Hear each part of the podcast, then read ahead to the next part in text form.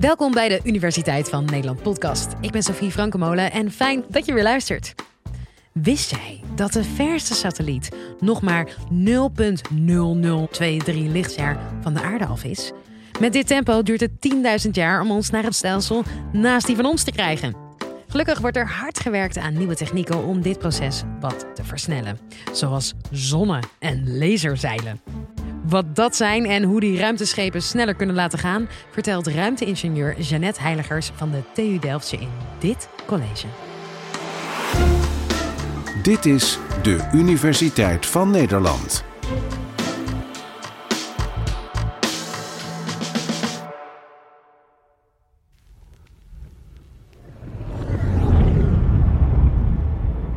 Ongeveer 400 jaar geleden verscheen er een grote komeet boven Europa.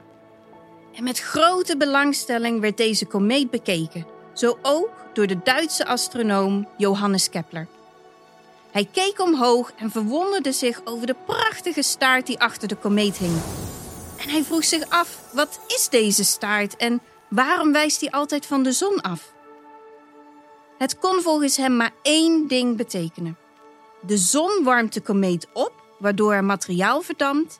En dat materiaal wordt weggeblazen door een soort van wind, afkomstig van de zon. Een hemelse bries. Hij pakte snel zijn schrijverij bij elkaar om zijn goede vriend Galileo Galilei, een andere heel beroemde wetenschapper, te schrijven. In deze brief schreef hij vol passie over deze hemelse bries. Want als zo'n wind echt zou bestaan, dan zouden we in de toekomst net zo door de ruimte kunnen zeilen zoals we op aarde met zeilboten over de grootste oceanen varen. Hij schreef dat als we deze wind naar onze hand zouden kunnen zetten, dat we die dan zouden kunnen gebruiken om de grote leegte van het heelal te gaan ontdekken.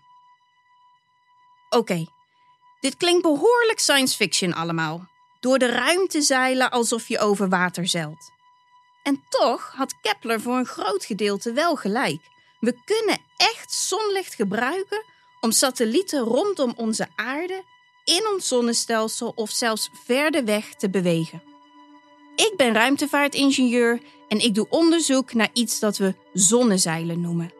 Zeilen die vastzitten aan satellieten om ze sneller door het heelal voor te laten bewegen op zonlicht. Dat is een hele mond vol, maar in deze aflevering vertel ik je wat zonnezeilen precies zijn en geef ik antwoord op de vraag: gaan zonnezeilen ons naar het uiteinde van het universum brengen?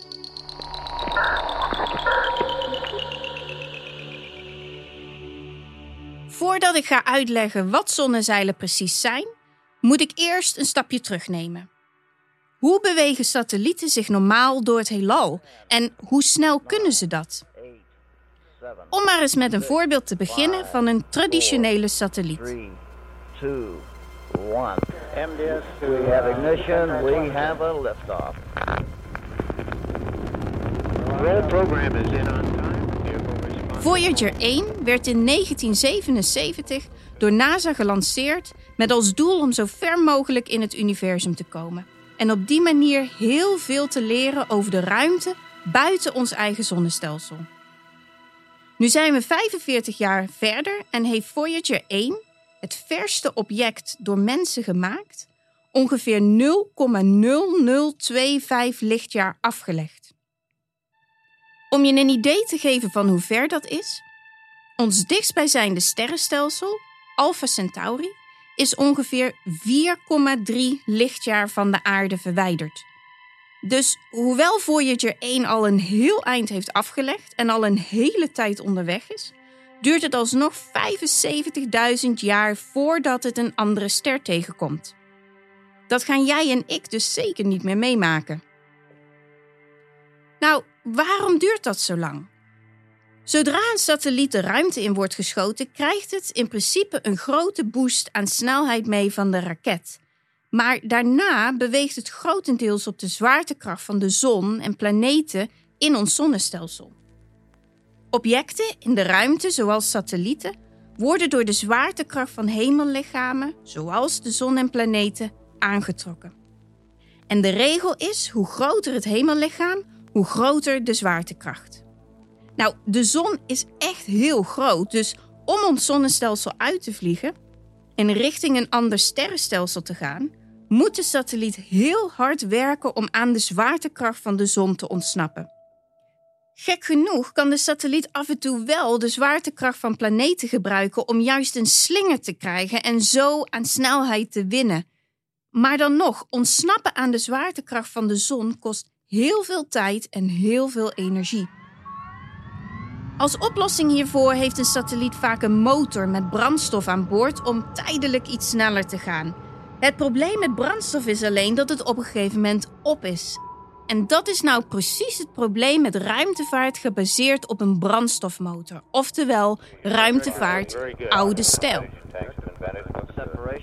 We have jettisoned the uh, boosters from Titan. Wat is dan ruimtevaart nieuwe stijl? Zonnezeilen. Deze techniek kan ervoor zorgen dat satellieten voortdurend snelheid op kunnen bouwen, puur door zonlicht te gebruiken. Laat ik dan bij de basis beginnen. Hoe ziet zo'n zeil eruit? Zo'n zeil is eigenlijk een heel groot en dun stuk materiaal, zo'n 7 micrometer dik. Dat is 10 keer dunner dan een gemiddeld haar. Ik heb het materiaal wel eens tussen mijn vingers gehad en als je je ogen dan dicht doet, heb je niet eens door dat er iets tussen je vingers zit. Je voelt bijna je vingerafdruk door het materiaal heen. Zo dun is het. Nou, de eerstvolgende zonnecelmissie die gaat vliegen, een missie van NASA die dit jaar gelanceerd gaat worden, gebruikt een cel van 80 vierkante meter groot. Dat is ongeveer net zo groot als een badmintonveld. Het cel wordt vervolgens heel klein opgevouwen, alsof je een zonneluifel in een box zo groot als een tissuedoos probeert te stoppen. En dat is eigenlijk een hele grote origami-operatie. En vervolgens wordt die tissuedoos aan de satelliet vastgemaakt. Zodra de satelliet de ruimte in is geschoten, klapt het zonnecel uit en kan het aan het werk. Nou, hoe werkt dat dan? Het licht dat de zon de ruimte instuurt bestaat uit deeltjes die we fotonen noemen. Deze deeltjes worden constant door de zon uitgezonden. En zodra deze fotonen het cel raken, oefenen ze een druk uit op het cel. Dit noemen we stralingsdruk. En die druk geeft het cel als het ware een duwtje in de rug. Om nog meer uit het cel te halen is één kant ook nog eens reflecterend gemaakt, als een soort van spiegel. Daardoor worden de fotonen, naast dat ze tegen het cel aanduwen, ook weer teruggekaatst. En daardoor geven ze het cel nog een extra duwtje in de rug. Het is een beetje alsof de fotonen zich tegen het cel afzetten voor de sprong terug. Door deze duwtjes kan de satelliet als een zeilboot door de ruimte varen. En zolang de zon blijft schijnen, kan een satelliet met een zonnezeil vaart blijven maken, waardoor de satelliet uiteindelijk veel hogere snelheden kan bereiken dan satellieten die afhankelijk zijn van de zwaartekrachten in ons zonnestelsel of een beperkte hoeveelheid brandstof aan boord.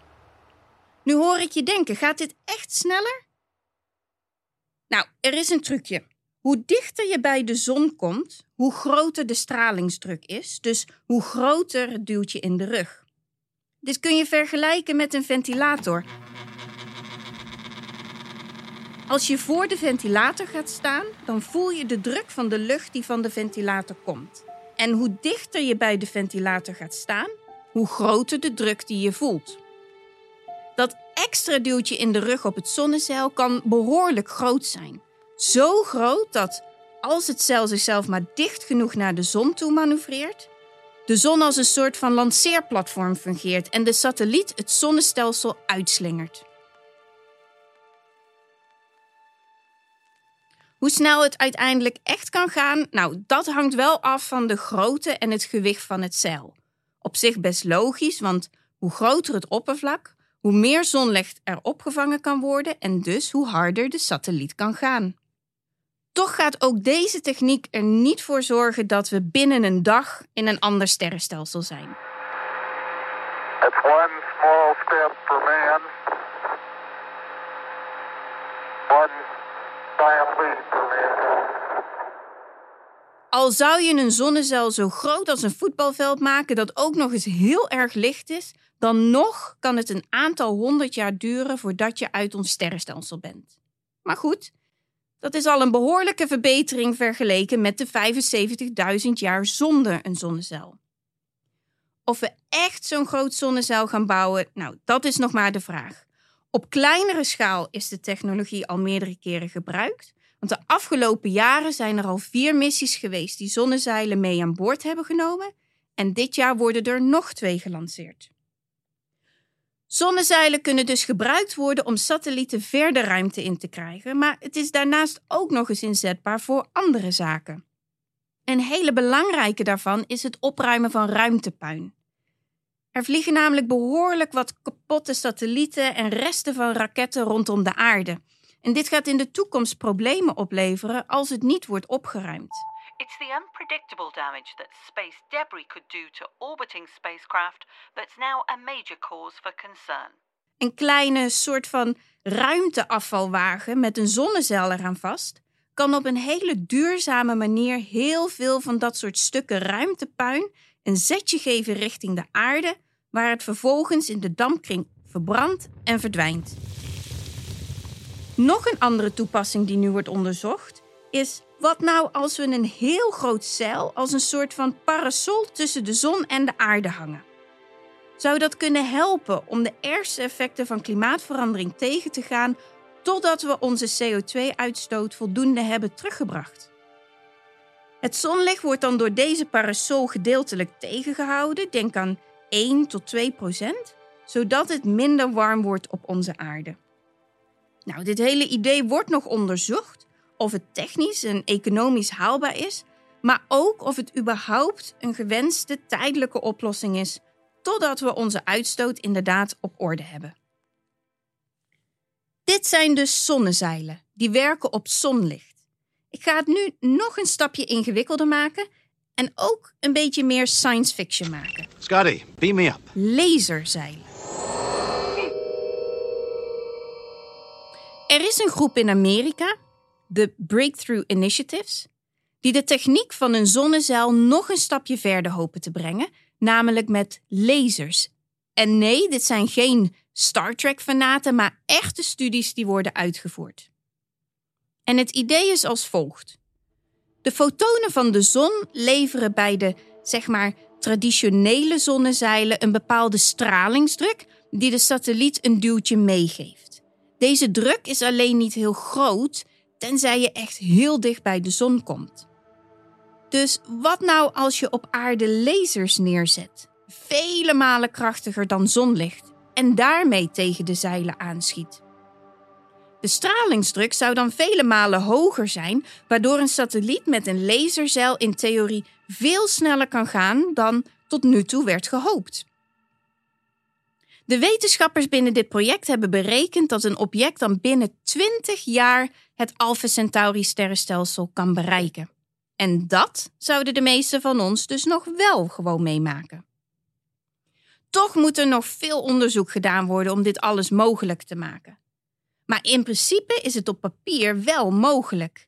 En je kunt ze in ieder geval niet verwijten dat ze niet outside the box durven te denken. In zijn brief schreef Kepler aan Galileo dat als de mensheid voor schepen en zeilen zouden zorgen die zijn aangepast aan de hemelse bries, er mensen zullen zijn die zelfs die leegte, dus de ruimte, zullen trotseren. 400 jaar later lijkt de visie van Kepler werkelijkheid geworden. Ruimteschepen met zonnezeilen trotseren inmiddels de ruimte om zo zonder brandstof voor te bewegen.